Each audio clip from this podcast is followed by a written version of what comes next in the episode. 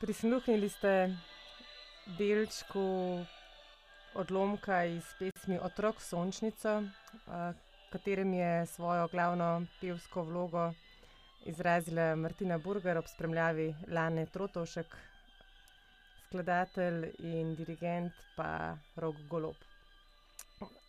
Zaključek si lahko lahko prisluhnete, na Youtubu, zaključku. kako je potekala pot Martine Burger, profesorice petja, sopranistke, vokalne pedagoginje, operne pevke, bomo prisluhnili v današnjem četrtem podcastu. Martina, topel dobro jutro, kako naj ti rečem. Dober dan. Dober dan. ja, zdaj na čas zelo različno gledamo, ko govorim z arhitektko, je ob enajstih dopoldne, sredi noči, ko govorim s teboj, je pa vseeno to že kar začetek dneva. Kdaj začenjaš jutra? V bistvu sem kar jutranji tip, no. Tako da se zbudim že pred sedmo, pol sedmih in potem počasi zajtrk. Zdaj tudi, sem se navadila, da kar jutro začnem s telovadbo, tako da ene dvajset minut do trideset, zjutraj me nekako tudi telo se zaktivira. Potem pa zajtrk in gre dan. se dan lepo začne. Ja. In tako se lahko začne, tudi najin pogovor. Če že, če mi dovoliš, bi te samo na kratko, predstavila našim poslušalcem. prebrala sem, mislim, prebrala sem in tudi vem, tvoja pot je bila zelo zanimiva. Začela si s študijem gradbeništva, ampak si tik pred koncem, pred zaključkom ugotovila, da petje, ti ni le hobi. In po prvih urah solo petja, ki si jih opravila pri Saški Kolarič, je potem sledila, naslednja pot, s profesorico Tatjano Vasle in nekako si potem svoj študij na zagrebški akademiji nadaljevala s profesorico Vlatko Oršanič. tam zaključila svojo, svoje izobraževanje, ki pa sama praviš, da se pri nikoli ne konča. jaz poznam tvoje petje, te na neki način tudi spremljam že dalj časa. dejstvo je, da te krasi neka, ne, ne neka, te krasi odlična vokalna tehnika, da imaš glas in stas in da vsaj iz mojega vidika te čaka še lahko, zelo zanimiva in bogata, glasbena pot.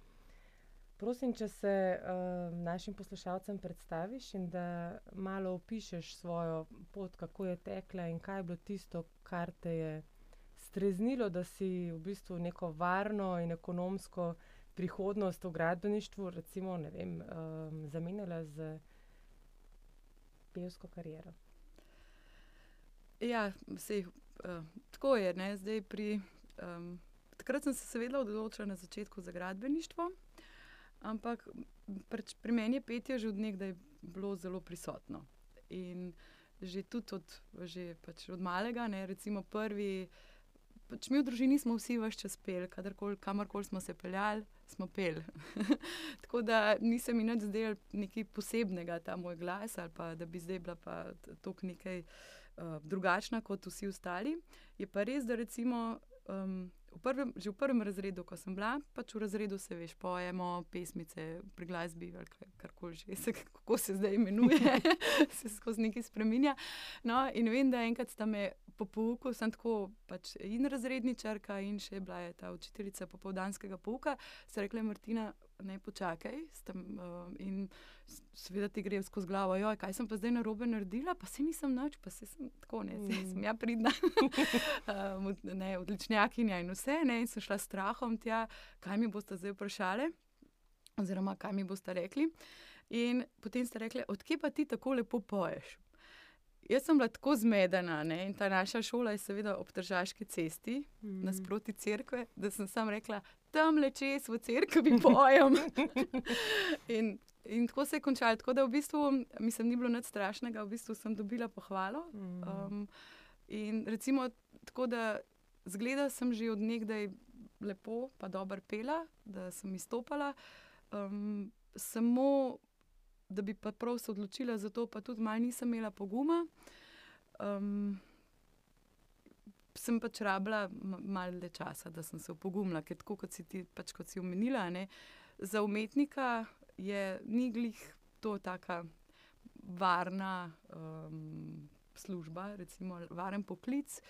Um, sploh pri glasu, ker ne veš, kako se bo razvil, kaj se bo razvil, um, po katero smer bo šlo, potem so razne bolezni, kaj če ti zmanjka glasu, aj zdaj to do konca življenja. Ne? To je kar težko.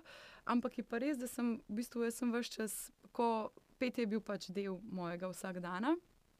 Um, in Um, kadarkoli sem pela, sem se temu precej bolj posvetila in miselno, in čustveno, vse stvari ostale so bile pa za zraven. Tako da um, se mi zdi, da je to nekako pri meni kar nekaj časa zorel.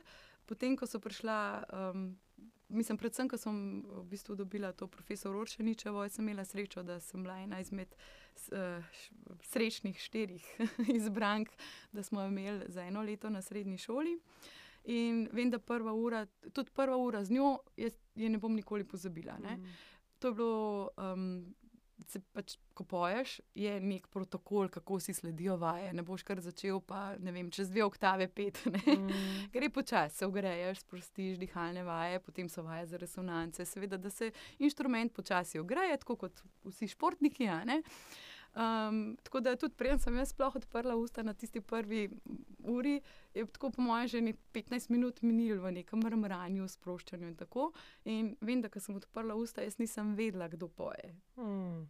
Ne, in me je pač ona tako fascinirala in mi tudi hkrati s tem tudi dala neko zaupanje, uh, voljo nadaljevati, ker seveda, ne, pač, ko, ko poješ, ko se učiš petja ved, so vedno neki usponi in padci. Ne? In sem tudi večkrat sem že mislila, da bom pač pustila in bom pač pela v zboru, pa gremo drugo pot naprej.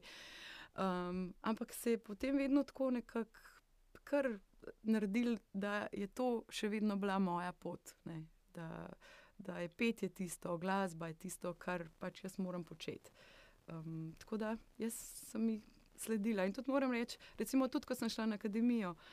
Jaz v bistvu tudi za tiste spremembe se prav dosti nisem pripravljala, govorim zdaj o teoretičnem mm. delu. Imam narejeno mm. nižjo glasbeno šolo, srednje pa ne. Mm. Tudi sem šla zelo pogumno z enim en dan priprave, um, ampak sem jih naredila in to zelo dobro. Um, potem recimo.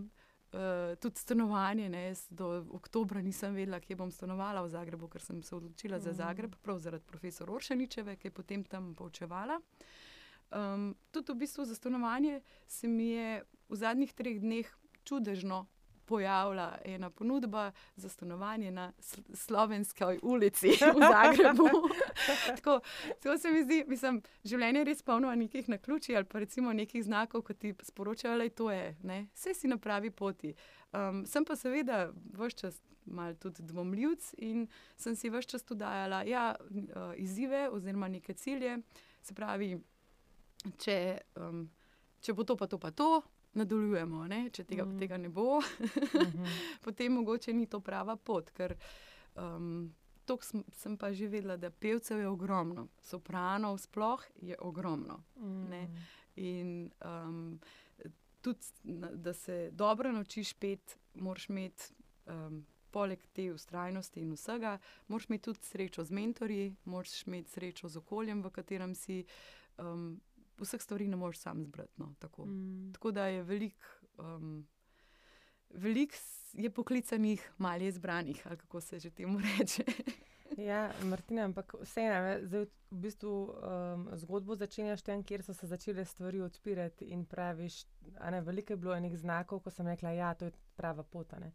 Ampak vseeno si pa, koliko let si recimo, uh, pa mogoče, ne, ali lahko rečemo temu ne, si se upirala te poti, ali si mogoče nisi bila še dovolj pogumna, ko si recimo študirala gradbeništvo. Kaj je bil tisti pok, klik, ki si rekla, zdaj pa dost? Um, ja, um, pač. Mislim, jaz vem, da čisto zadnji tisti. Mm bom rekla, preobrat je bil, pač, da sem šla na tekmovanje in bila mm -hmm. zelo, zelo, zelo dobra.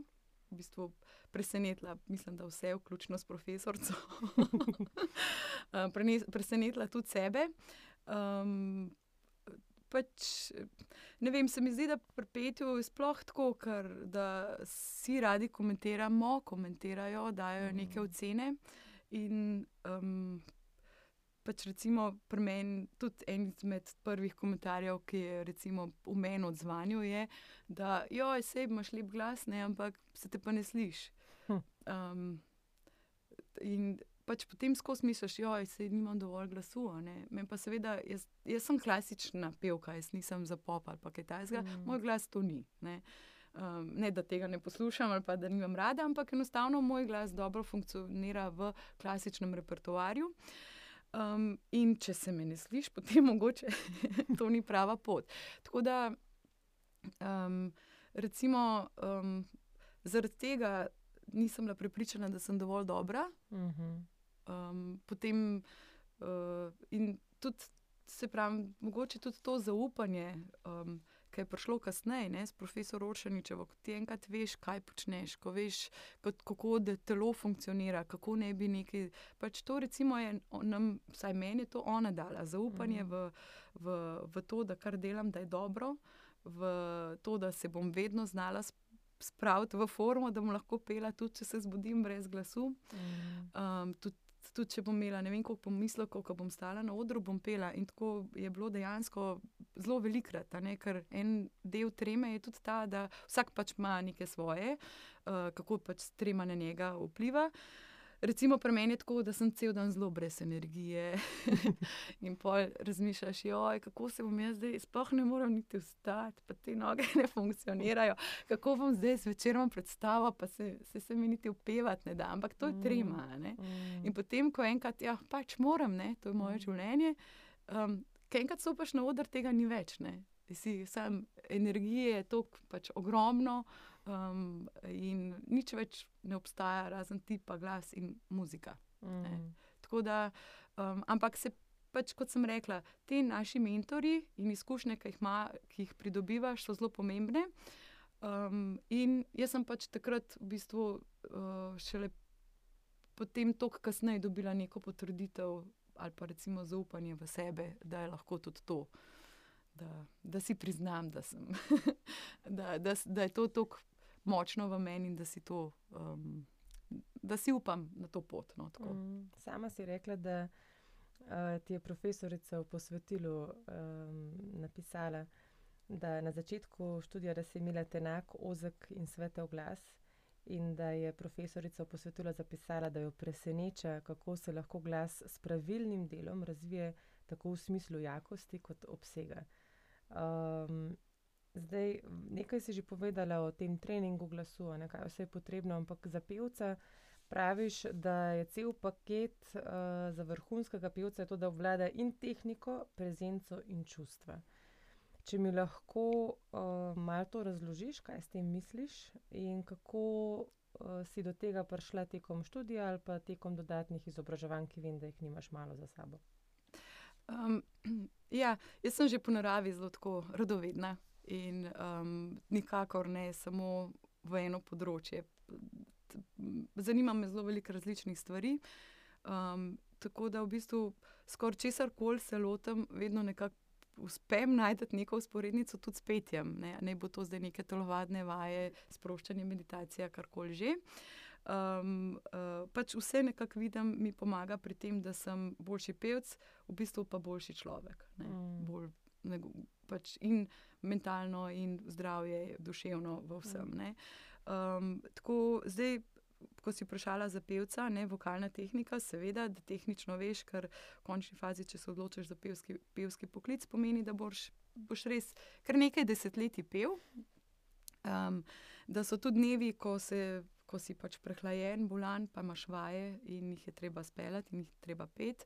Uh, potem predstave, ne, mislim, da še nisem spoznala enega pevca, ki bi rekel: Joj, danes sem pa super, dobro počutim za predstavo. Mislim, da smo vsi pred predstavo malo tako v dvomih, kaj bo, ampak potem, ko stopiš na oder, si, je vse, vse v redu. Um, tako da, um, uh, recimo, to je pač uh, vokalno tehniko, si gradiš s tem rednim delom, pravilnim. Um, ki je tudi recimo, moj bivši sostanovalec, uh, ki zdaj ima uh, zelo lepo kariero, res uh, poje v tujini. Um, je on že takrat rekel, vsak dan skromno, ponižno, iz nule. Tudi če se mi včeraj suva predstavo, naslednji dan je novo poglavje, kot da še nisi nič od tistega naredil. Ne. Tako da se v bistvu vse čas vračaš na začetek. Um, pač vsak dan znova se moraš upeti, um, najti svoj, svoj glas, svoje jedro, in potem greš naprej. Ne. Tako da to je pač, kar se vokalne tehnike tiče. Prezenca um, se mi zdi, da seveda malo je to tudi prirojeno. Um, kako nasplošno, kašno, recimo, kako vplivaš na ljudi, kako, kakšno energijo imaš, kako prideš, kako hodiš. Vse to že drža sama po sebi, od, um, nekako odraža, kakšen tip človeka si. Um, seveda se pa ta prezenca s tem, ko veš, kaj počneš, z znanjem, izkušnjami, lahko tudi veča. In se bolj, ko si siguren vase ne, in v svoje znanje, v to, kar počneš, uh, bolj si prepričljiv, bolj lahko potegneš. Tako da to, kar se prezence tiče, naslednja so pa čustva. Um, ja, seveda, umetniki smo zelo čustveni, empatični, ker brez tega uh, težko pa ustvarjaš nek, neko delo. Um, kar pomeni, da uh, so tudi določene, um, vedno nekako izhajaš, poskušaš izhajati iz sebe, um, kar pomeni, da iščeš uh, povezavo s sabo in moraš določene stvari tudi zaradi določene teme ali pa kaj ali predelati, um, najti. Ali pa tudi, če recimo nisem imel nekih izkušenj, se pa toliko uživeti v to, um, kar pomeni, da lahko tudi v enem trenutku um, si mogoče celo prizadet, ampak na odru moraš še vedno pet. Ne, ne more ti kar naenkrat začeti soze teči. Pa nehati pet, pač glasba gre naprej. Um, se mi je tudi, že, mislim, seveda se je tudi zgodilo, da te odnese. Sem, sem imela srečo, da takrat v tistem trenutku nisem pela, um, ker se ker pač, ko se um, daš v neko vlogo, si nisi več, pač nisem Martina, jaz sem takrat nekdo drug. Mm. Ne? Um, in praktično Martina ne obstaja. Um, kar pomeni, da tudi tista druga oseba ja, če je potrebno, se v tistem trenutku zaljubi. um, mislim, zdaj malo karikiram, ne? ampak um, tako gre marsikaj, ti gre skozi glavo. In vem, da recimo lansko leto je bila glih ena tako zelo močna uh, predstava uh, Carmen. Uh mhm. -huh. In seveda poje uh, Aljaš Farasin, je pil uh, Don Jose. In res, res tako je bila že cela predstava, je bila emocionalno tako polna, da je bilo kar težko stati na odru. Uh, so, v bistvu, potem sem kasneje izvedela, da, bile, da je bilo pač še nekaj drugega, kar je Aljaža tok. Uh -huh. um, ampak on, ki je pel tisti na odru, mislim, da je publika to čutila. Ne? Um, pač neko smrt so imeli v družini uh -huh. in tudi tista, uh, pač tista Arja, oziroma on na koncu, ko gre, je mu Mikaela, ne, pove, mm. vrni se domov, ker tvoja ma, mama umira. Mm. In hm. on, ki je ti zdaj odpel, jaz, hvala Bogu, nisem več, ne, več pela, meni so začele soze teči, ker so njemu tudi. Mm. Ampak mi smo bili vsi šokirani na odru. Mm. In tako da um, on je seveda fantastično to odpel, odigral, sedal popolnoma. Um, ampak res, tako da so taki momenti, ki je res super, ko te glasba lahko tako čustveno prevzame. In seveda besedilo, ni vedno samo melodija, besedilo, sporočilo. Um, ampak kot pevec, kot umetnik, moš seveda ti ustrajati in do konca speljati. Mm. Se ne moreš zdaj pa predati, pa publika lahko. Ne? Mi pa moramo to. Um, pač še vedno si pevc, ne še v prvi, uh, prvi vrsti. Tako da ta kontrola čustev, meni bi večkrat pasal, da bi lahko se kar prepustila. yeah. Ja. In se mi zdi, da z leti je to če dalje. Pogosteje. ja, ej, sem kar tudi jaz noter padla v ta občutek, ker vem, da so neki taki trenutki lahko v gledališču, v operi, take, ki jih ne moreš posneti, ki jih ne moreš obnoviti in so enkratni. In se mi zdi, da tukaj kot pevec, ne, si reka ta cel paket v bistvu igraš, podoživljaš, pa moraš pa še pet zraven. ne, Tako je, v bistvu še nadgradnja igralca. Zdaj, če govorimo o, o tvoji vlogi eh, kot solistke. Um, pa mi še malo naštej, katere so pa še druge vloge, ki jih v bistvu kot pevka um, igraš. Nisi samo solistka, zdajle smo v uvodu smo slišali tvojo solistično vlogo čisto v koncertni izvedbi, ampak potem pevec lahko nastopa v kakšnih verzijah. Zdaj govorimo o petju ali o drugih funkcijah. Aha, ok. Ja, jaz tukaj mislim tudi, ne vem, to, vem, da veliko poučuješ. No, tako, um, Ja, um, zdaj ponavadi je tako, da v bistvu, pač, ko te slišijo pet, ne, si seveda vsi bi želeli tudi tako, ne, približno. jaz bi tako pil kot Martina, prosim. ja. um, in se uh, pač me, recimo, vsaj kar se določenih ljudi tiče, vem, da so me zaradi tega poklicali, uh, seveda pa. Kot, jaz sem recimo v Ljubljanski operi samo gostja, tudi v ostalih teatrih sem vedno bila samo gostja, kar pomeni projekt 2-3 in to je to. Mhm. V ostalem času se moraš najti na drug način. Zdaj sem sreča, da um, imam, zgleda, tudi zelo dobro pedagoško žilico, um, da znam tudi tako z ljudmi delati, da imam kar veliko ponudb, tudi kar se tiče poučevanja, um, zelo nekako veliko povpraševanja. Um, in s, tako da v bistvu delam in individualno, in skupinsko seveda jaz to doživljam kot popolnoma, mislim, različne osebnosti. No. Eno je res biti pevka, ima uh Mhm. -huh. nek svoj ritem, uh, svoj ust- ustroj no, telesa in razmišljanja, potem je drugi način. Je, kako delaš, kakšen imaš pristop, ko, imaš, uh, ko si ena na ena ne, z Mhm. učencem, ko v bistvu pač petje ni zdaj samo glas. Ne. Petje je, um, se pravi, naš glas je sklop naše fizionomije, uh, potem fiziologije, Mhm. potem um, uh, čustev, uh, psih, psihološkega stanja. Že recimo, sej, če dam samo za primerjavo, kaj zdaj točno mislim. Ja, recimo, pobešena, že naša drža, ne, pobešena ramena, kaj izražajo, da pač nekdo je zelo nesiguren. Mhm. Ne.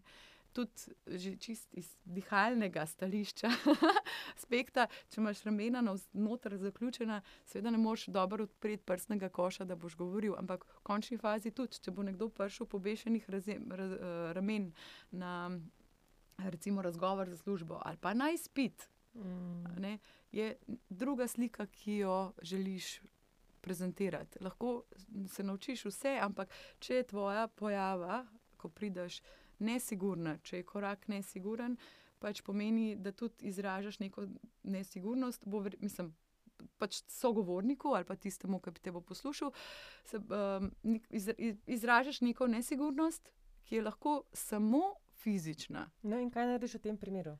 Ja, tako da pač za pevca ne, je um, predpogoj, seveda, pravilna drža. In potem, da je sproščen, da je dobre volje, da je vesel in da ima zaupanje vase. Um, tako da um, jaz pri svojem poučevanju veliko dajem prav tem, um, poudarka veliko tem, bomo rekla, sploh pred pripravi, um, kar je seveda malo bolj dolgoročno, Um, Mhm. ker so stvari, mislim, zakaj se jaz puklasto držim ali pa zakaj sem nesigurna, seveda veliko krat nima, um, ni, um, vzrok temu ni, da nisem sigurna v svoje petje, ampak nisem Mm. sigurna v marsikaj drugega, kar mm. se mi Mm. v življenju dogaja. Tako da recimo ta pristop je zelo dolgotrajen, ampak se splača. Ne. Okej. Recimo, sploh pri petju, tudi ne bom ena izmed prvih učenk, ki je bila, sem jo dobila, mislim, da v tretjem razredu, je pač prej imela enega učitelja, učiteljica, nima veze, um, ki je rekel: Ti ne boš pevka, ne? tvoj glas, mislim, kakšen glas je pa to. ne. Mhm. To od tebe nikoli nič ne bo, si si vem, uh, pač preveč pasivna, zdaj ne bom grdih izrazov Mhm. uporabljala, s katerimi Je je bila na naslovljena. Um, ampak a, zdaj si predstavljate, kako lahko s takim človekom sploh začneš det- delati petje. Težko, ne? ker ni, ker se mora sprostiti, ker mora dobiti zaupanje. Tako da um, skozi to potem nek tak pozitiven feedback, ki ga dobiva. Um, mislim, da je ne dve leti se je šlo res zelo počasi. Govorimo o sopranu, ki je mogoče D2 bil problem. Mm -hmm. To za soprane ni nič. ne. Mm. No, na koncu, po treh, v tretjem, po dveh letih z njo, no, v tretjem, tretji, tretje leto se je kar naenkrat odprl, to četrto leto je pa pela stvari, ki sem jih jaz pela na akademiji. Mm. Pač dobro, večinoma tako, da sem jaz zapela, Mm. ker potem, ko jaz zapojem. Uh, dobijo tudi vsi nek...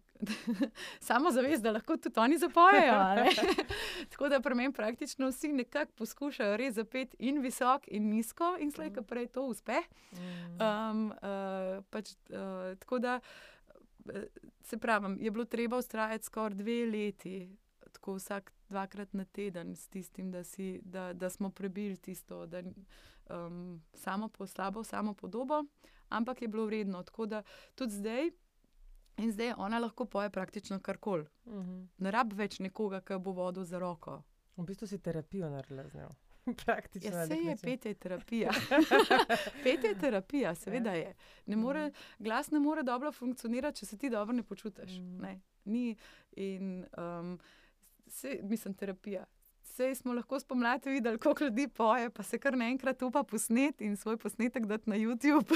Ja, vsi znajo dobro peti. kaj- Zakaj sploh rabi Ne. profesor je petje? No, ne, je že to, meni se zdi to pozitivno, no, da Mhm. so se ljudje tako opogumili in, uh, pogumili, ja, da, in da pač um, so to pel in da so najdel neki mogoče nek ventil ali pa neko veselje tudi v tem, ker v bistvu kar glas je nekaj, kar smo ga vsi dobili. a Ne, zdaj, Mhm. kaj boš z njim naredil, je seveda od tebe odvisno.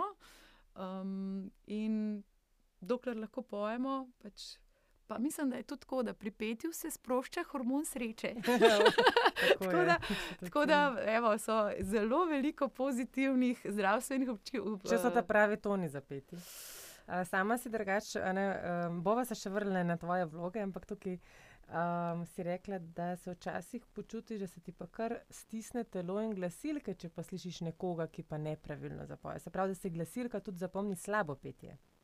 Um, ja, seveda, mislim, ne glih mogoče glasilka, ta, vse to mišičeve okrog, ki je. Ne, mm -hmm. ki, uh, uh, ja, seveda. Um, v bistvu tako. Veliko krat septembra, jaz sem v bistvu na nobeni šoli nisem bila redno, vedno sem samo nadomeščala. Tako da se je recimo velikokrat zgodilo, da septem, septembra dobiš popolnoma nove ljudi. Mm. In so pač določeni ljudje, ki hočejo zelo kontrolirati, um, verjetno na splošno v življenju, no? ampak pri petju ne moš kontrolirati, ker ta kontrola potem um, pride iz grla. Mm. In vem, da se me je velikrat, recimo septembra, me je velikrat grlo bolelo, po, kadar s- pač s kakšnim pevcem delaš Mm. ker se enostavno prenašajo te uh, občutki. Mislim, sej, če pogledamo, recimo, kadar je nekdo dobre volje, ne, se vsi nalezemo tega. Mhm. Oziroma, če imaš nekoga, ki je res tako vse čas slabe volje in tudi če si ti še ne vem kako pozitiven in prideš dobre volje, Mhm. le slej, ko prej se boš nalezel te slabe volje ali pa enega občutka, ne vem, nemoči, nesigurnosti. Tako da pri petju pač je isto, zaradi tega, ker, so, ker sodelujejo mišice, ker sodeluje ta mentalni sklop. ne, In zdaj, če se seveda potem prenašajo. Sicer jaz si raje zapomnim te lepe trenutke. ne. Recimo, ne vem, ko greš na kakšen koncert dobrega pevca, ne, seveda ga moraš v živo poslušati. Um, vem, da po takih tudi ene dva tedna pojem kot še nikoli Mm. z lahkoto, ker se, ker se pač te dobri, um, Praksa. dobre prakse prenesejo na tebe. Ja. Mm, okay. In verjetno veliko dobrih, na dobrih koncertih eh, so se tudi drugi ljudje nalezli tvojega dobrega petja. Uh, veliko si sodelovala, oziroma še sodeluješ tudi z Valom, z Vokalno akademijo Ljubljana, oziroma tam si imela neko posebno vlogo, tudi um, vokalne pedagoginje. Ja, v bistvu uh, z Vokalno akademijo Ljubljana se je v bistvu začelo to moje zborovsko poglavje, uh, zbor, zborovski del mojega življenja. Um, ponovno, ne. Um, uh, sicer mislim, da zdaj ne delujejo več, no, ampak takrat so zelo. Uh, pri vokalni akademiji je bilo tako. Iz uh, vokalne akademije so več ali manj predstavljali pe, pevci, ki so bili prej del APZ, Tone Tomšič, se pravi moški del. Um, prej jih je bilo recimo 40, kar naenkrat jih je bilo 16. Mhm. Seveda, fanti so potem hitro ugotovili, ker to niso bili šolani pevci, to so pač bili klasični zborovski pevci, ki so radi pel in so radi pel v zboru. So pač hitro ugotovili, da bo pa treba zdaj začeti treba delati tudi na vokalni tehniki, če bi radi vzdrževali tak nivo, ki so ga imeli prej. Seveda, če ti poješ v dobrem zboru, delaš z dobrim dirigentom, nekako na slabše boš težko šel, ne, si vedno želiš več in so tudi cilji bili zelo visoki. Tako da so potem mene poklicali, če bi lahko začela z njimi delati. Uh, pač in skupinsko, poleg tega pa potem še vsake tok časa tudi s kakšnim individualno, če, pač, če so bili kakšni problemi, oziroma um, da se je še kaj sprostil, um, najdel pravo pot. Ali pa da je tudi kdo mogoče hitrejši lahko napredoval, da je bil enako vreden ostalim. Tako da takrat se je potem začela ta moja zborovska vloga kot vokalnega uh, pedagoga. Um, seveda, meni je tudi bilo v redu, ker sem z njimi, ko smo recimo kakšna uh, turneje in uh, pač koncerte imeli, sem bila potem vedno tudi solistka in um, pač pet solo z moškim zborom. to je v bistvu nekaj res posebnega, ker um, pač moški zbor ima en tak zelo mehak, poven zvok, um, ki ga težko pač kje druge slišiš. No? Mislim, mene vedno odnese, če poslušam dober, mož, do, uh, dober moški zbor, me odnese ta moč, ne, ki jo imajo. Pa ne govorim zdaj o tem, da pojejo forte ali pa na glas. Mm. Pač enostavno do, dobro skupaj funkcionirajo in tudi glasba je vedno tako mehka, polna. Um, taka. Mislim, mene pač vedno prevzame. No? Tako da to, da sem pač z njimi lahko pela tudi razne solistične, um, kot solistka, no, je bilo seveda en velik bonus. Potem si pa ne samo z moškimi vokalnimi zasedbami, ampak si nekako tudi specializirana, oziroma delaš z mladimi, z otroki, to pa si nekje tam na primorskem. Ja, ja, to je pa zdaj zadnji dve, tri leta, se mi zdi, je pa tudi um, glik zaradi tega, ker v bistvu meni v bistvu z vokalno akademijo. Um, takrat smo imeli mi, uh, kako se temu reče, bili so gostje v Pekingu, uh -huh. kjer sem potem tudi, uh, tudi jaz imela eno uro vokalne tehnike pred ne vem, koliko je bilo 1200 teh Oh. študentov. Um, in med njimi je bil pač tudi ta, mislim, da je bil Robert Sund. To pa je, on je pa nekako bil, ne vem, če je še, ampak vem, da takrat je bil res v vrhu, kar se zborovsko glasbe tiče. In ko je on videl, kako delam, je pač rekel, je she's very good. tako, um, in tako da sem takrat potem začela imeti razne te delavnice, um, vzgoje bodočih, um, ali pa tudi že vzgoje zborovodi, dirigentov. Zborovskih, ne, Mhm. z- zborovodi. Ja. In seveda so te tudi, vse tudi kakšni pevci. In hkrati, ko imaš te seminarje v vokalni tehniki, um, slej ko prej tudi te seveda povabijo, da delaš z njihovimi zbori. Oziroma, recimo, nadaljevalna stopnja je že tako, da v bistvu delajo zdaj praktično, da ni samo teorija in da ni samo, da oni zgradijo svoj inštrument, ampak da se dela potem tudi z njihovimi pevci, z njihovimi zbori. Tako da sem kar z, ve- z veliko zbori po Sloveniji delala Mm. um, in si pridobila zelo veliko izkušenj, kako zdaj pristopiti, ker seveda to je pa zdaj tista razlika, delati individualno ali pa skupinsko. Mhm. Zdaj individualno imaš več časa Mm. um, če, in pač imaš nek dolgoročnejši cilj postavljen, medtem ko, ko delaš pa skupino, um, jih je pa treba prepričati v 15 minutah. ne. In potem bi bilo fajn, da jih vem, v 45 minutah ali pa recimo v 4 urah, 2 urah tudi česa naučiš. Ne. Da če ne drugega, da jim daš toliko sigurnosti, um, toliko volje, da se jim splača delati na sebi, tudi če so stari 60-70 let, da se vedno da stvari popravljati, da če si pozoren, pazljiv, da nikoli ni prepozno ne, in da se tudi, če vem, 40 let že poješ v zboru, da še vedno lahko spremeniš kaj ne, um, in izboljšaš, olajšaš si za- zadeve. Se v večini primerov moramo mi nekako, um, večinoma preveč kompliciramo pri petju, tako da moramo olajšati, prepustiti naravi. Ne, to je tista, to je tisti težek del petja, ne? da se upaš prepustiti, da upaš zaupati svojemu telesu, da zna, da ve, kaj narediti. Um, da ne kontroliraš, ker kontrola veliko krat pride iz grla, če nismo pozorni, in, oziroma iz čeljusti.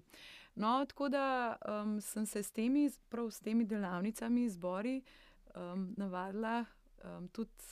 V, Najhitreje dobiš, najhitreje dobiš rezultat, če delaš skozi gib, ker mm -hmm. gre za sprostitev. Mm -hmm. In potem um, sem dobila ogromno enih takih vaj, um, prispodob, se, se spomnila, ki pomagajo, da pevci lahko res hitro napredujejo. Mislim, napredujejo. Hitro, ja, napredujejo. Seveda, če hočeš, da ta napredek ostane dolgoročno, je treba to večkrat delati, mm. ne samo enkrat, eno soboto, recimo, ampak pač večkrat, večkrat, ampak že to, da lahko ti v enem dnevu, v eni vaji, spremeniš zadeve. Da tudi en zbor, ki je ne vem, ne vem kje, ne, ki nima tako, da zazveni tako, da ti gre vse kocine ne, po mm. koncu, da zazvenijo na pravi resonanci um, na ravni te uglasitve. Kar je drugače zelo težko doseči. Um, meni se zdi to res tako čudovito in k temu stremim. Ne? Tudi jaz, pač malo sem perfekcionistka in seveda pri petju je to je moja strast. Mm. in hočem, da bi vsi dobro peli in da bi se vsi dobro počutili. Um, tako da recimo vse te vaje, vse te izkušnje s temi zbori. Um, So me pripeljale potem do tega, da sem tudi začela vokalno tehniko um, delati um, tudi tukaj na Viču. Mm. Tako da me je potem Branka Rotar Pence mhm. povabila mm. v en projekt, uh, SKUM se imenuje, se pravi, to pa je. Razvijanje sporozumevalnih sposobnosti preko umetnostne vzgoje. To je zdaj večletni proj vse slovenski projekt, ki ga vod, uh, vodijo um, Primorska univerza in Univerza v Ljubljani, um, pri kateri gre za to, da bi uh, pač skozi različne umetnosti otroci čim bolj razvili tudi ostale, um, mm. ostale stvari. Se pravi, vse vemo, da um, pač za možgani, ne, imamo dve polovici, ki se morata um, najti, ki se morata obe dve funkcionirati. In pri glasbenikih je dokazano, da v bistvu, pa ne govorim zdaj samo o pevcih. Um, pač tudi instrumentalisti, zato ker skozi uporabljaš, ne, um, recimo levo roko, desno roko, različne mm. stvari, se um, možgani v bistvu so zelo sposobni. No. Mm. No, rekla, da so bolj razviti, ampak je um, to bolje. In seveda to vpliva potem tudi na matematiko, na um, sam govor, na sporazumevanje, na te, kako si upaš iz sebe, da ti ven.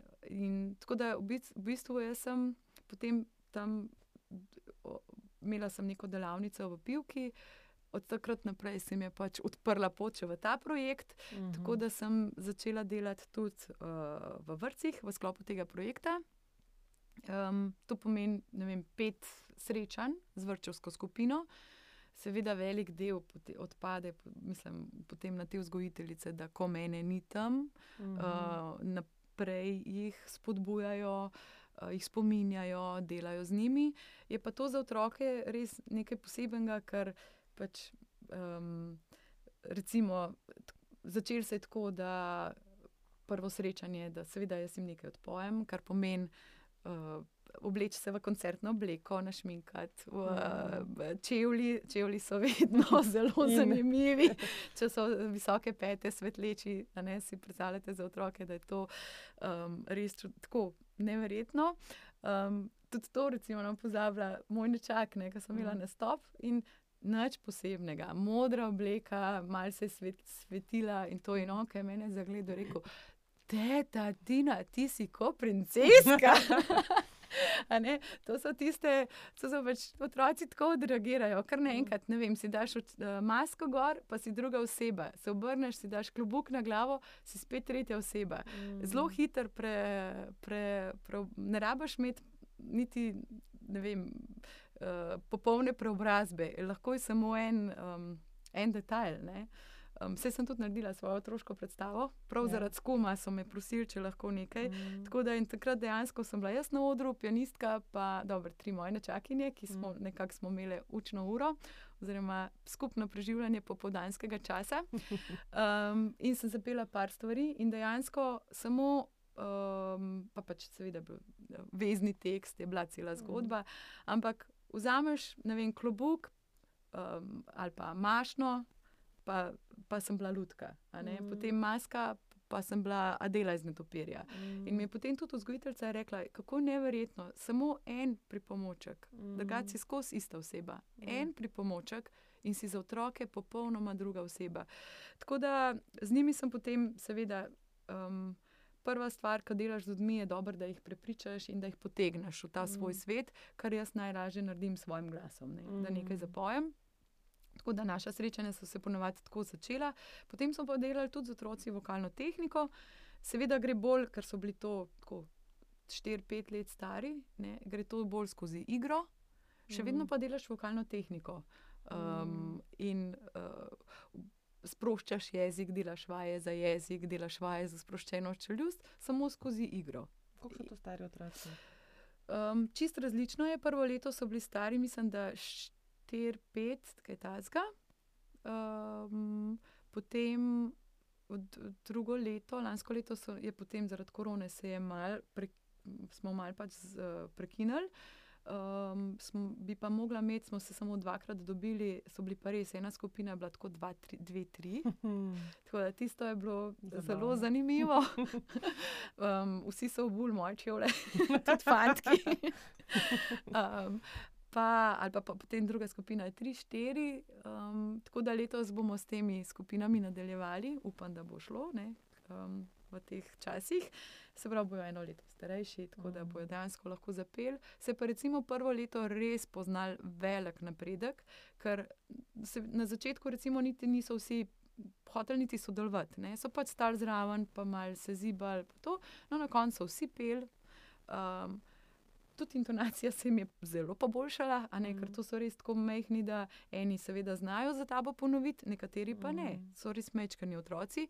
Ampak uh, imeli so dva nastopa, enega za drugim, ki so ga zdržali na odru. To pomeni, uro 45 so bili na odru Mm. in ni bilo nobenega problema, nobeden ni pobegnil, nobeden ni začel, mislim, vsi so sodelovali, so bili mirni. In še kasneje so imeli tudi nek nastop, so mi pač potem povedali vzgojiteljice. Da so še na enem, so na drugem nastopu, so kasneje sodelovali, kjer je bilo pa še več drugih teh glasbenih točk. In dejansko ta skupina otrok je bila edina, ki je imela koncentracijo in ki je bila mirna, tudi ko so drugi nastopali. Se pravi, oni so sedeli in poslušali koncert. Se pravi, starši, če imate otroka z ADHD uh, diagnozo, peljte ga k Martini, ona ga bo naučila koncentracije in pozornosti. Pika. Ne, to je pač skupinsko petje, ne, um, mora biti uh, prisotno, no, zato Mhm. ker se res deluje pozitivno na res toliko različnih Sigurno. ravneh. Tako da to, kako jaz na koncu pojem, to je najmanj. No. Mm. Gre za vse drugo. Mislim, že pri samem dihanju. Pravilen dih je tisti, je globok dih, je preponsko dihanje, ki seveda vem, prekr, mislim, skrbi za zdravje vseh naših notranjih organov Mm. ki takrat, ko si pod stresom, če pravilno začneš globoko, mirno dihati, ne, če seveda znaš to tehniko, um, lahko prebrodiš stres v trenutku, samo Okej. okay. se moraš. Ne? Martina, deva narediti vmes, preden greva na tvoje pisanje knjige, narediva eno, eno vodeno, globoko dihanje, minutko. Kako, kako bi ti mene vodila, kako moram um, pravilno vdihati, glede na to, kako zdaj tle sedim, pa sem. Um, ja, zdaj se pravi. Je ponovadi tako, da se seveda boljš, da se malo bolj pravilno usedeva? Okay. Um, čeprav lahko tudi v tistem sproščenem stanju, ampak recimo, da se pravi, um, se pravi sedel ne bi tako, da bi, ne bi začutili pod um, zadnico naše kosti, te sednice, to sta dve tako navz, navzdol, uh, pač špičasti kosti. No? Tako da, če Mhm. date roke pod zadnico, pa mogoče kaj morate kar še nimamo kaj umakniti. jih potem začutite, ker Okej. takrat, kadar jih, uh, kot se tako špičasto navzdol, takrat pomeni, da je tudi medenica pravilno spodvita. Se pravi, ne smemo imeti, mora biti rahlo spodvita navznoter, um, ker ravna drža ne pomeni, da zdaj se izprsim ne, in sem v enem krču, ampak v bistvu medenica tukaj res igra veliko vlogo.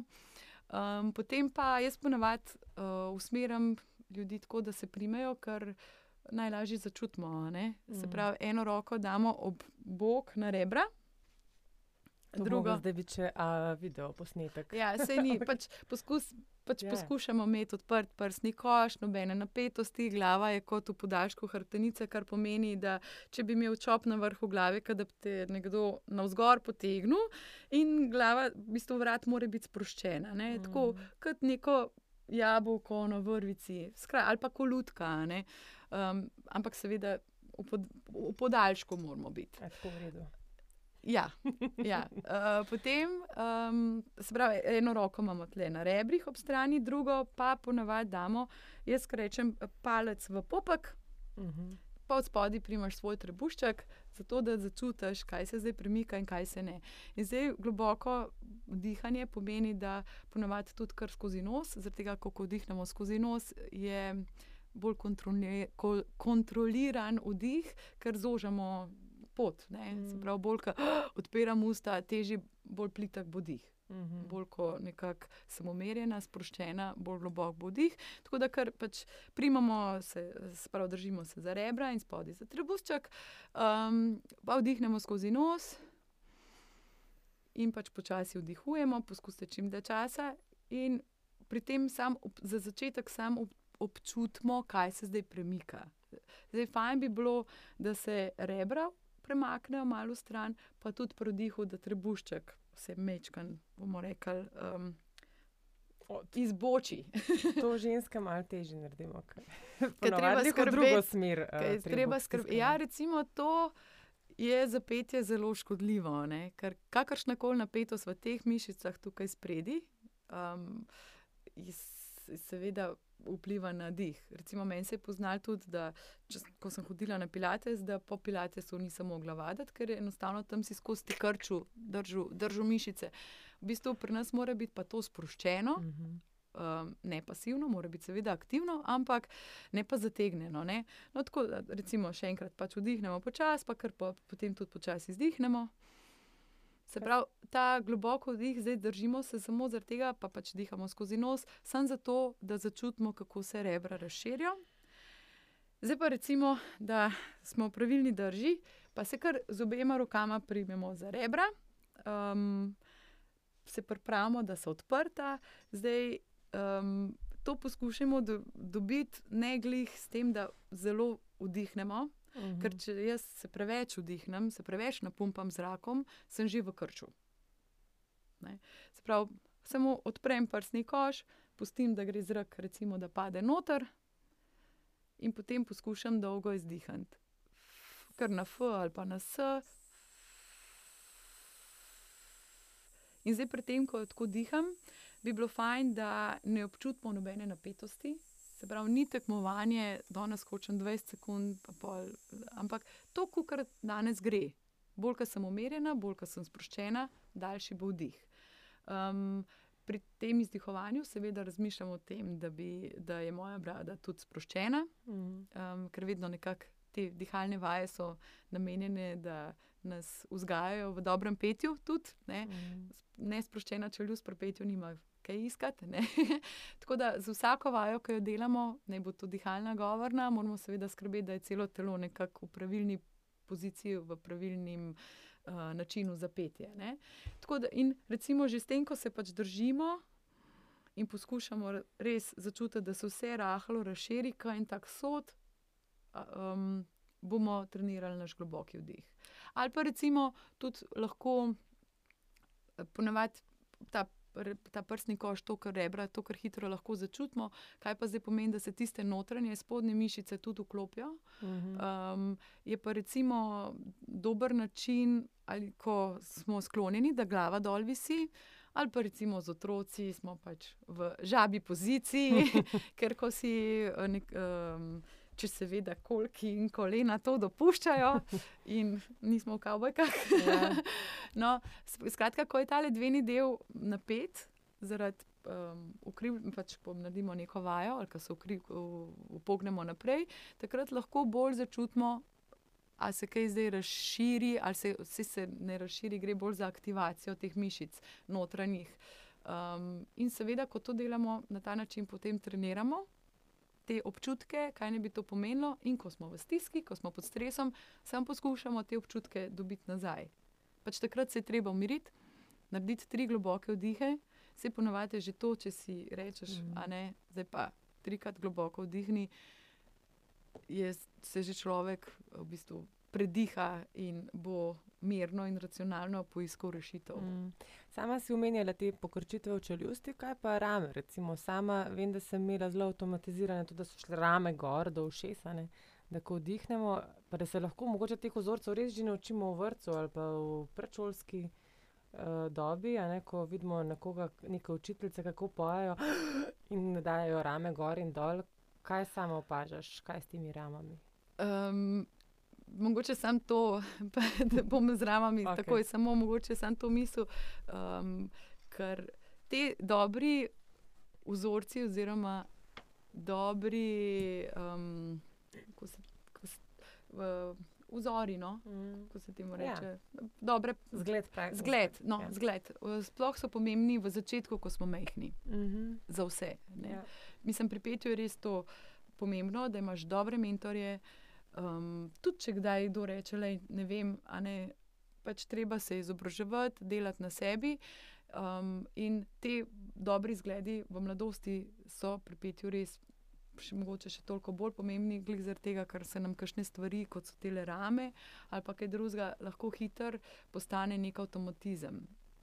Seveda se vse da rešiti. Ne, ne vem, se tudi jaz, jaz pač recimo nisem jih imela gor, jaz sem bila pa, kako se reče, pobešena, sem imela, mm. ne, bolj puklasto sem se držala.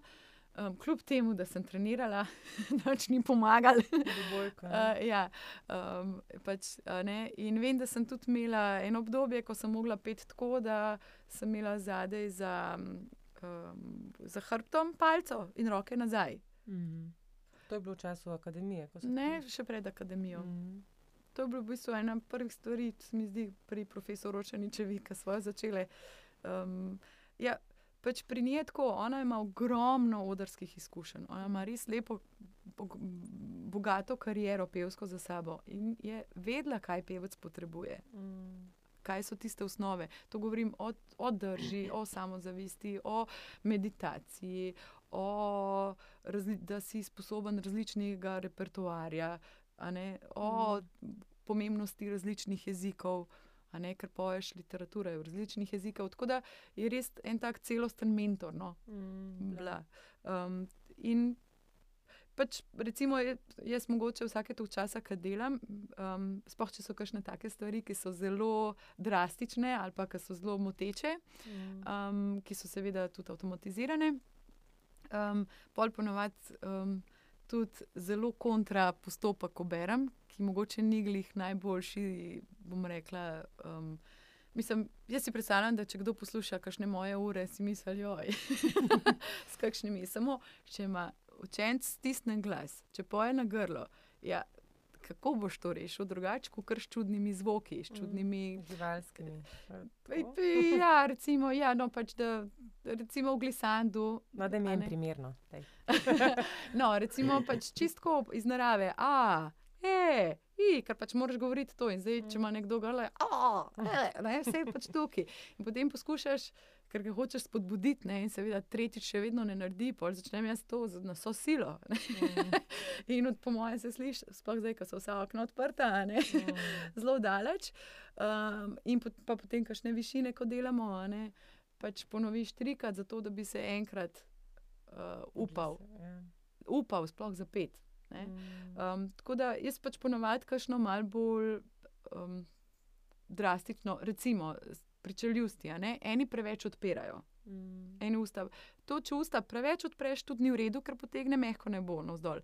Zdaj, kako boš tega človeka spremenil? Mislim, to, da samo rečeš, ne to odpirati, ni dovolj. Lahko to ponavljaš tri leta, pa ne bo nobenega učinka. Mm. Potem je pač najlažje. Najbolj kontra temu je ta bok karidente, se pravi nasmešek, in, in, in morajo pet z zaprtimi usti v nasmešku, ne vem, eno vajo ali pa dve. Mm. Pa pa spet sprostiš, podpreš. In zdaj to, da bi nekdo samo v nasmešku vse čas pel, seveda tudi ni dobro. Ampak ena vaja, to, da dobi sigurnost, da lahko, mm. je, pa, je pa v redu. Ali pa recimo nekdo, pa večina si tako niti ne upa odpreti ust. Seveda, pol največkrat rečeš, odpri usta, odpri usta. In um, to tudi ni rešitev, zdaj, dolgoročno, da imajo pa zdaj skozi veliko odprta usta. Ampak to, da si upajo, ali pa recimo, mm. ko smo še lahko. Ne, dal dva prsta usta, recimo pri skupini, boš težko, ne gre drugače, kot da se primejo za čeljuz, da dajo dva prsta usta, um, da, da, da naredijo nek gib, da začutijo, ne, da, da, da se kaj sprostijo. Pač ne gre drugačno. Kaj dva prsta usta, misliš, tole na vrh? A, ne, kar tako ugrizneš. Dobro, pač recimo eni imajo bolj mehna, lahko tudi samo enega dajo. Jaz rabim dva. Okay. Martina, uh, bogate so tvoje izkušnje in prijemi. In mislim, da je bil tudi verjetno skrajni čas, da ti vse svoje ideje in navodila spraviš v neko zapisano besedo. Uh, kako daleč je zdaj ta tvoja knjiga, oziroma učbenik, kaj pišeš? Ja, učbenik, priročnik. Um, ja, Zelo ja, prijetno se, vprašanje. zelo prijetno. Ja, seveda delam na njem. Jaz, um, uh, gre za to, da pač Mogoče sem malo preveč perfekcionistka in je težko, da bi kar. Um, pač rabim vsako poglavje, ki naredi, naredi, ga, ga spišem. Um, Mora biti že tako, ta, že v taki obliki, da vse pove in da je brljivo, očitljivo. Ni, in zato sem seveda zelo počasna mm. pri tem pisanju. In tudi um, nisem glih tak tip človeka. No, sicer um, jaz sem bolj praktičen tudi, sem, tudi, velik, v, bistvu tudi v zadnjih parih letih veliko, pač, ko delaš z ljudmi. In kar si navaden, sem res zelo skozi prakso, ne toliko teoretik. Tudi ko govorim, ko uh, delam, um, verjetno je tudi me ta pot tako, oziroma ja, naučila, oziroma še to bolj, toliko bolj spodbudila v meni, ker um, skozi praktične izkušnje največ in najhitrejši rezultat dobim. Jaz, če nekomu začnem razlagati, zakaj, kje je mišice, ter, a, a ne čisto mhm. teoretično, ne bom dobila nobenega rez, rezultata. In pač sem se mogla na hitro naučiti skozi, da skozi praktične vaje, skozi prakso. Dobim hitre rezultate pri pevcih, ker več, večino vidim samo enkrat, ne, če govorimo mm. zdaj o teh zborovskih. Um, um, tako da v bistvu je to zelo, to je pač spet ena tretja osebnost, ki mora to delati, okay. ki se mora vsesti z računalnik in gledati in pisati. In v bistvu praktične izkušnje mm. obesedati. No. Sej, sej sem lansko leto, recimo, recimo, za mene se pač ni končalo s korono. Um, jaz sem v bistvu takoj delala naprej, mm. um, pač online, seveda. Um, in sem takrat tudi morala um, pač, ker sem bila dogovorjena za neke delavnice z Hrvaško in za Italijo, um, za katere se drugače ponovadi ne pripravljam, nekaj posebno, razen mogoče malo terminologijo, da pač v drugem jeziku malo lažje poveš, da bo jasno. Um, ampak tako sem pač mogla veliko stvari teh zbrati in uh, pač praktično. Um, v bistvu vso to mojo prakso opisati. Mm. Ker tudi te, recimo za Hrvaško, sem, je bilo 140 seminaristov, od tega mm. je bilo 90 aktivno udeleženih prek Zuma. Prek Zuma, kako je to šlo? V štirih večerjih. Ja, je šlo. Mm. In v bistvu so bili tako navdušeni, da bomo verjetno nadaljevali, ker večina si seveda je mislila, da ne moramo v tem času pa nič delati. Ni res. Ne? Je pa res, da se pa, pač je bolj individualno, ne, ker skupinsko več glasja ne moreš delati online. Mm. Um, in zdaj tudi zborovodje vidijo, šele vidijo, kakšen material imajo mm. v pevcih. Mm. In koliko dejansko se kakšne stvari, mogoče si, se spodbudimo v skupini, da boš pojemo, oziroma se kakšne napake skrijejo. Um, tako da je kar treba izkoristiti tudi ta čas no, za eh, individualno rast, tudi na tem področju. No, V pogovoru včeraj si mi rekla, uh, ko so se pripravljali malo, da je rekla, da tukaj v tem času, brez izhodnem, sem mal vid, um, kako smo se do sedaj spopadali z življenjem. Da, da mogoče tukaj imate lahko pevci ali pa da tvoja zgodba, kakor je tekla, da ima neke prednosti. Če mogoče malo to razložiš. Um, ja, pa če nikoli, nikjer v bistvu, vse čas sem nekako samostojna na svoji poti. Um, ni tako, da bi si to zdaj prav neki želela, tako je življenje. ne, sploh zdaj bi bilo kar fajn. bi lahko, recimo, mirno učbenik pisala ja. in nič drugega počela. Um, tako da v bistvu to, da so se vse čas te službe menjale, da sem morala biti. Um, V različnih vlogah, na različnih področjih, zelo aktivna in seveda tudi dobra, ne? ker če ko si samo pogodbeno, projektno z nekom sodeluješ, če ne prepričaš, če ne pokažeš svojega znanja, če nečesa ne predaš, se pač projekt tam zaključi sodelovanje s tistim. Naročnikom, ne, mm. čeprav se to tako sliši zelo. Ampak um, tako da v bistvu um, so me te izkušnje, pač ta moja življenjska pot, da sem se mogla vse čas nekako ali dokazovati, biti aktivna na zelo različnih področjih. Um, je se zdaj v bistvu obrestovalo, ker jaz vem, če sem sposobna, vem, da imam veliko znanja. Um, naročniki vejo tudi to, tako da se enostavno sodelovanje samo nadaljuje. Ni, um, hkrati ti pa tudi to, da nisi, recimo, ne zapadaš v neko rutino od 8 do 5 ali mm. kako koli že. Um, ti v, vse čas si primoran v izobraževanje, v rast. In ko pride neka druga situacija, mislim, meni so se res veliko krat zamenjale situacije iz danes na jutr. Ne, to je, mhm. ne vem, si v štirih projektih, pa naslednjič kar zveš, da pa kar nisi več. Ne, pa ne mm. veš točno zakaj. Ali pa kakšne take stvari. Um, in se, sem se morala velikokrat um, znajti. Tako da pač neka nova preizkušnja, neko novo okolje. Recimo, tle mi je pomagalo to, da me ni bilo strah računalnikov, mm. da, sem bila, da sem sposobna jih uporabljati, da um, v končni fazi, da ga imam, ne. Vse pevci, mm. drugače, načeloma ga ne rabimo. Je yeah. Ja. fajn, da imaš tablico, ki imaš literaturo gor, mm. ostale stvari pa tudi, če ne. Um, tako da mi v bistvu ni bil ta, spoh ni bilo, um, pogrešam petje, seveda, yeah. Ja. pogrešam nastop, uh, nastope. Mm. Um, to ne pomeni, da ne vadim. Ne. Mm. To še vedno je del vsake, pač vsak, vsak dan ali pa vsaj petkrat na teden. Ampak um, to, da imaš tudi ta kontakt s publiko, mm. seveda pogrešam. Mm. Ampak sama ta izkušnja zdaj pa um, je v bistvu na nek način meni v bistvu mi je bilo zanimivo, ker imaš spet nekaj novega za odkrivati. Um, tudi sem bila zelo presenečena, ker tudi prej, pač tako kot večina, se mi zdi, smo bili malce skeptični glede tega, da boš pa online delal solo petje, da to se pa ne da. Pa. Ampak ni res, ne? moji učenci so zelo napredovali um, in to me pač. Sem bila zelo vesela, ker le nekaj novega sem se naučila, nekaj novega, v bistvu sem uh, nekaj novega sem spoznala, ne, mm. sem premislila, da vse vem, zdaj pa, oh, ne, ne, v bistvu nisi imela prav. Ne, in se mi zdi to vedno tako dobro, ker rasteš. In v bistvu različne situacije no, so pač v življenju. Prej, ko se navadiš na to, da nič ni fiksnega, da nič ni tako, zdaj tako more biti, se mi zdi, da pa ni samo pri petju. No. Tudi mm. pri ostalih službah je zdaj tako je verjetno to, da nekdo dobi za nedoločen čas neko stabilnost, te je če dalje manj. Mm. In je treba biti širok, se je treba z različnimi stvarmi ukvarjati, ker pač um, nikoli ne veš, v kaj te bo življenje pr pripeljalo, kje ti bo v bistvu dalo neko priložnost.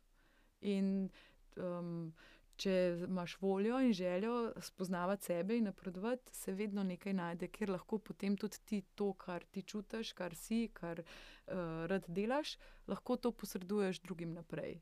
Mislim, če si pač, um, bom rekla, strasten v tem, kar imaš rad, boš prepričal druge ljudi in boš verjetno imel vedno nek nabor ali klientov ali publike, sodelavcev. Tako, um, ne vem, tako da v bistvu ni, ne, ni, ni tako slabo. No? če, pač, če imaš tak in tak pristop, no? je pa res, da um, okolje, v katerem sem, vse, imam vedno lahko nekoga, na katerega se lahko obrnem, da te mal. Um, pač in družina, in prijatelji, ki te malo spodbudijo. Da, mm. pač sami, sam težko, a ne, kašne stvari spelješ. Um, če ne drugega, je dobro imeti sodelavce ali pa ljudi, ki so kompetentni sogovorniki, za to, da ti dajo potrditev, da je dobro razmišljaš. Mm. Um, tudi v nekem dialogu se vedno se pač brainstorming, mm. um, se tudi nove stvari odprejo. Um, tako da upati se pogovarjati. Upati si tudi mogoče kdaj kakšno svojo nesigurnost povedati ali pa kakšen strah, um, ker se tudi skozi to odprejo nove možnosti. Okay. Martina, ogromno stvari so povedali, orisali del tvoje poti, vsekakor ne omenili vsega, kar se ti je dogajalo v tem dosedanjem eh, času. Um, recimo, da naj posluša uh, kakšna morebitna kandidatka za spremce na akademijo, bodi si Ljubljansko, bodi si ne vem, Zagrebško, kakorkoli, kje, kje lahko. Um, te dobijo dijaki, če bi mogoče kdo prišel k tebi na individualno uro, ki lahko do tebe pride nekdo, ki bi želel, um, da zborovsko, z, z zborom delaš, skratka, malo mal povabi eh, poslušalce, ki, ki te lahko poklikajo. Uh, no, Facebook je, Facebook prek um, uh, no, MSN, no, čeprav tam se mi zdi, da včasih odleti, tam sem že kdaj kaj spregledala, tako da če kdo posluša, se upravičujem. um, to pol ugotovim po kakšnem letu. Uh, tako da mogoče mail je kar najboljš, no, mm. naj, najboljša varianta. Um, ja, no, mail. Okay. Tako. Boste že pogooglali. Ja, tako. Um, Vrtina, pika burger, afnaga, pika kom, to je skoraj najbolj sigurno. Za vse okay. ostalo nisem tako prepričana. Pa mogoče samo to, no, glede, glede te pevske poti. Zdaj, seveda, zelo je pomembno, da si izberemo mentorja, ki mu zaupamo. Um, ker, uh, pač, ker to je predpogoj za to, da bomo lahko nadaljevali, da bomo maksimum nekako dosegali v tistem času, ki nam je na akademiji na voljo. Zelo pomembno je tudi, da si poskušamo naj, n, pač organizirati čim več nastopov mm. in kar hoditi na audicije. Mm. Pač tudi, če še ni nič hudega, le bo pa naslednjič. Zato, ker to so tiste stvari, ki, potem, ki potem naredijo razliko. Če pogledam, recimo, te moje generacije tam v, v Zagrebu na akademiji. Tisti, ki smo se vse čas, ki smo imeli res veliko nastopov, uh, pa tudi zelo hitro začenjali tudi na audicije hoditi um, in tudi pač kaj pet tudi v teatru, smo v bistvu vsi zelo aktivno ostali tudi v petju. Zdaj, mm. bodi si koncertno, operno, v opernem zboru, se nima veze ali pa kot solisti. Um, Medtem ko recimo tisti, ki so čakali, da bojo, svo, da bojo perfektni ali pa ki se mogoče niso upali s tem spopasti še takrat. Um, je potem ta čas zamujen. Mm. In potem, ko imaš enkrat sam papir, diploma ti nič ne pomeni. Pri petju, govorim ja. zdaj, stati na odru. Mm. Tudi za pedagoško um, smer, ne? tudi pri poučevanju, te odrske izkušnje um, so zelo pomembne. Recimo zato um, je meni tudi Oršaničeva bila tako v redu. Mm ker je imela toliko teh izkušenj, ker gre za premagovanje treme, kako nastopaš, pač cel paket. Mm. Se pravi, pevski pedagog, govorim za individualno, za solo petje, za poklicno, profesionalno pot. Um, tako kot ni, kot, kot ni samo petje, mm. kot um, tisto, kar me prezentira, je pač celostna oseba. Mm. Zato pač je učitelj petja ne bi imel izkušnje na vseh področjih. Mm. Mislim, seveda lahko sej, so potem tudi uh, razni seminarji, ampak je tudi treba spodbujati, ne, da se jih udeležijo, da, delajo da, uh, različne projekte. in to. Um, tako da se pravi, biti aktiven, pet čim več, uh, ne čaka, da bo prišel perfekten glas, ker ne vem. Če lahko sam še to povem, Mm, no, recimo, jaz sem res velikokrat mogla vskočiti. Mm. In na ta način, mislim, očitno so že imeli toliko zaupanja v mene, da so me um, uh, poklicali za take zadeve, že, že v Zagrebu, že tekom študija, um, kar pomeni, da imaš praktično zelo, zelo malo izkušenj na odru, ampak pač dirigent zaupa, te pozna vem, iz akademije ali pa iz enega nastopa. Um, in če vskakuješ v projekt, pomeni ena vaja, če imaš srečo, dve. Mm. Um, se mi je pa tudi zgodilo, da niti ene ni bilo. Recimo, direkt na oder. Uh, Skoraj da. Ja. Um, pač, ko sem bila v Dubrovniku, ko smo delali nek projekt z, um, uh, z, angl z nekim angliškim ansamblom za staro glasbo. No, potem leta po tistem so oni imeli koncert v Ljubljani, v Galusovi dvorani.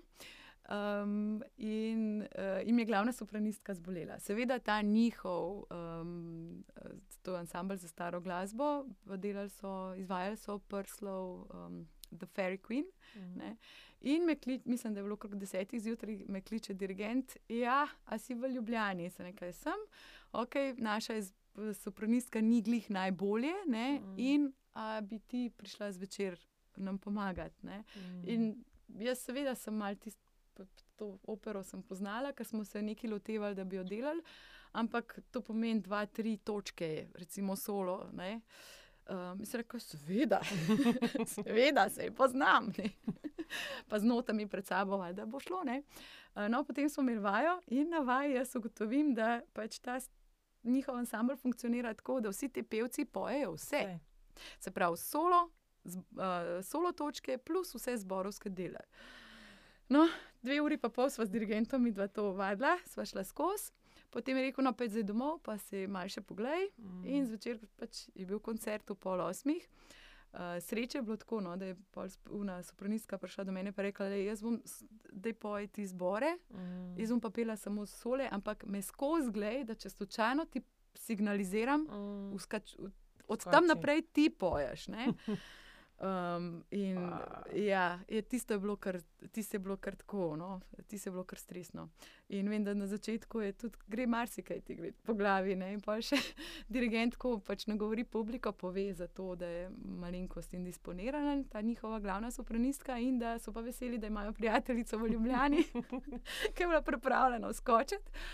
Um, in potem je seveda govoril, kako je to, kakšen izziv in kako je to težko, in tako naprej. In jaz sem sedela tam in sem si sama mislila, nimaš pogodbe, pet dol. Ker ni bilo časa tudi za te stvari. Ja, ja, ja. Ampak obsediš, odpoješ. Mm. In- In preživiš. Ja, in v bistvu je bilo zelo lepo in zelo dobro. Tako da Mm. to so. Um, in hočem reči, recimo, če ne bi prej imela toliko nastopov, takih in drugačnih, ni zdaj to pomembno. Mislim, seveda, najlepše je nastopati v filharmoniji, v Cankarjevem domu, na opernem odru z orkestrom. To so seveda najbolj taki, iz, bom rekla, polni, izpolnjujoči občutki, ker je tudi največ publike. Ne? Ampak po drugi strani pa tudi včasih pri Maši ali pa kakšni te malo bolj intimni, um, uh, komorni nastopi. Um, znajo, imajo pa drug čar, ki so pa še bolj ponotranjeni. Um, tudi, tudi, recimo, jaz se takrat počutim mogoče malo bolj izpolnjena, ker vseeno lahko grem bolj iz sebe, nimam dirigenta, ki mi kaže, kaj moram Mhm. početi. Um, in tako da kakršni koli nastopi, samo da so in da si veliko programa, repertoarja prepoješ. Um, Vse skozi to vajo se potem tudi tehnika pili. Ne. Tako da to je recimo mogoče napotek za te, ki, če, se bo kdo odločil za solistično pot. In um, pač zavedati se, da trg je mečkan, ne, pa ne govorim samo v Sloveniji, um, pa, pač popraševanje tudi na svetovni ravni. Um, veliko nas je, no, veliko je Mhm. pevcev in recimo tudi zdaj eno.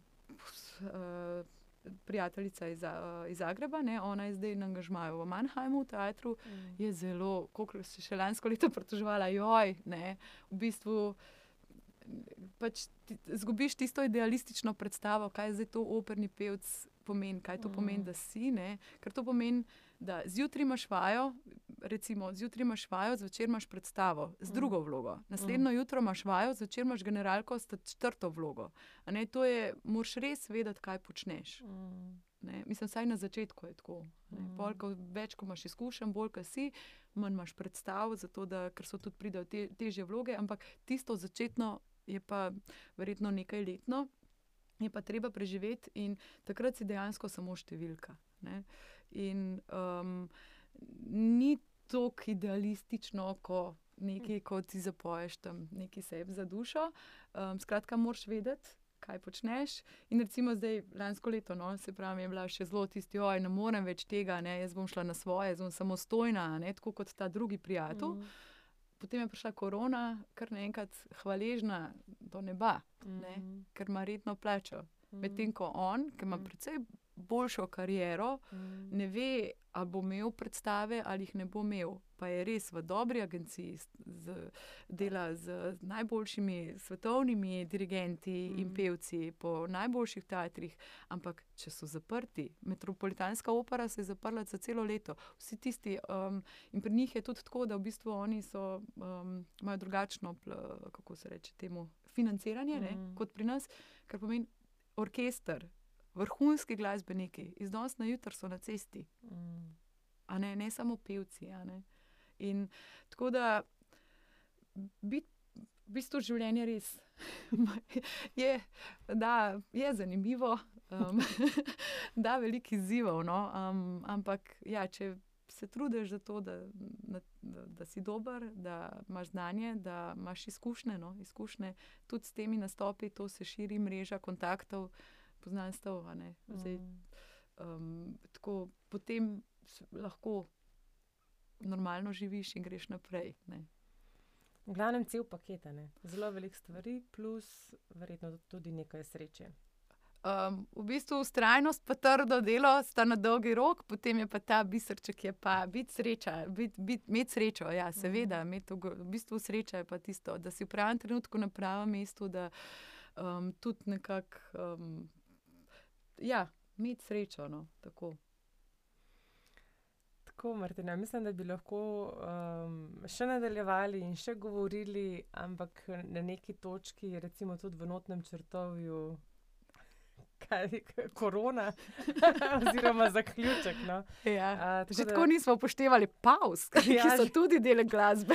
mogoče pridajo naknadno. Ja, res. Uh, vsekakor pa smo naredili nek lok od začetka do konca. Um, in jaz ti res želim tudi nadaljno uspešno pot, da bi bila še naprej tako ustrajna, v bistvu strastna v tem, kar delaš, uh, da bi bil glas še dolgo navzoč, da ga bi še negovala naprej in iskala njegove razsežnosti.